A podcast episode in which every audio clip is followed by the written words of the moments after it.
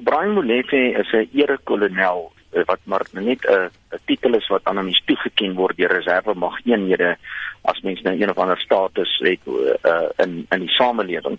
Ehm um, die feit dat 'n mens aangestel of uh, die titel toegeken is as 'n erekolonel maak jy bloot geregtig om in 'n ere uniform uh, aan sekere seremonies van daai regiment of 'n uh, uh, eenheid deel te neem soos byvoorbeeld begrafnisse en kransleggings en die tipe van ding en gedenkdienste. Dit maak 'n mens glad nie geregtig uh of uh, vatbaar vir 'n aanstelling of 'n oproep tot aktiewe diens in die reserve mag as sulks nie.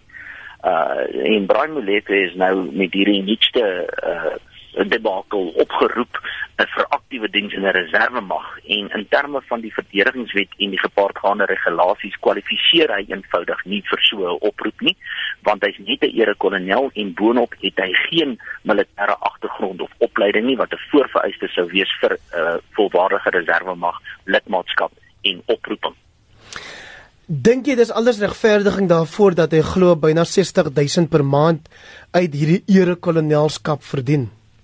Nee glad nie. Uh soos ek sê die die feit van die saak is dat die aanstelling is on, onregmatig. Dit beteken derhalwe dat enige voordeel wat uit die aanstelling trek net so onregmatig is en dit steek mense nogal dwars in die krop dat daar boonop so ver gegaan is om bedrog te pleeg deur sy vergoeding terug te dateer na 'n datum teen die middel van Augustus toe hy nog nie eens aangemeld het vir diens nie. Dit is natuurlik duidelik bedrog. Wat gaan julle daaraan doen? Wel ons gaan definitief daarna kyk saam met ons regspan om 'n uh, uh, kriminele klagtes te formuleer en en 'n uh, dossier te open by die Suid-Afrikaanse Polisie Diens. Ons kyk na ongeveer 3 misdrywe wat gepleeg is. Ons ons is ook van mening voorlopiglik nou as ons uh, so kyk prima facie lyk dit vir ons asof hy ook wanvoorstelling van rang pleeg want hy het nie 'n substantiëre rang van kolonel wat hom vatbaar vatbaar maak vir 'n oproep instruksie nie en dit op sigself is ook 'n misdryf in terme van die verdedigingswet wat 10 jaar gevangenisstraf dra. Die minister van verdediging Nosiviwe Mapisa Nkula het gister op ons susterprogram Spectrum en ook op SAFM verduidelik dat hy glo aangestel is om die ouditeur-generaal van die weermag te help wel dit sal nie regverdig dat hy opgeroep word as 'n kolonel wat 'n uh, 'n uh, 'n uh, die reserve mag aktiewe diens doen nie.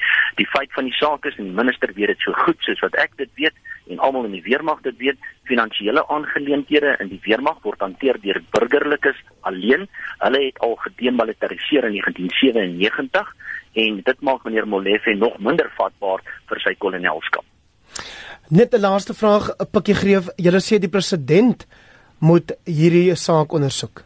Nee, ons het nie gesê die president moet dit ondersoek nie. Ons vertrou absoluut glad nie die president om enigiets te ondersoek nie. Ons sal self 'n kriminele klagtes in die verband lê en ons gaan van die weermag af uh, antwoorde vereis. Ons is bevrees die die verduideliking wat die minister nou probeer verkoop aan die publiek is absoluut te snert en uh, ons sal haar in die hof uitdaag indien ons nie tevrede is uh, met die antwoorde wat ons by haar kry nie. Nou maar baie dankie vir jou tyd vanoggend. Dit dan advokaat Pikkie Greef uit die nasionale sekretaris van die militêre vakbond Sanwo.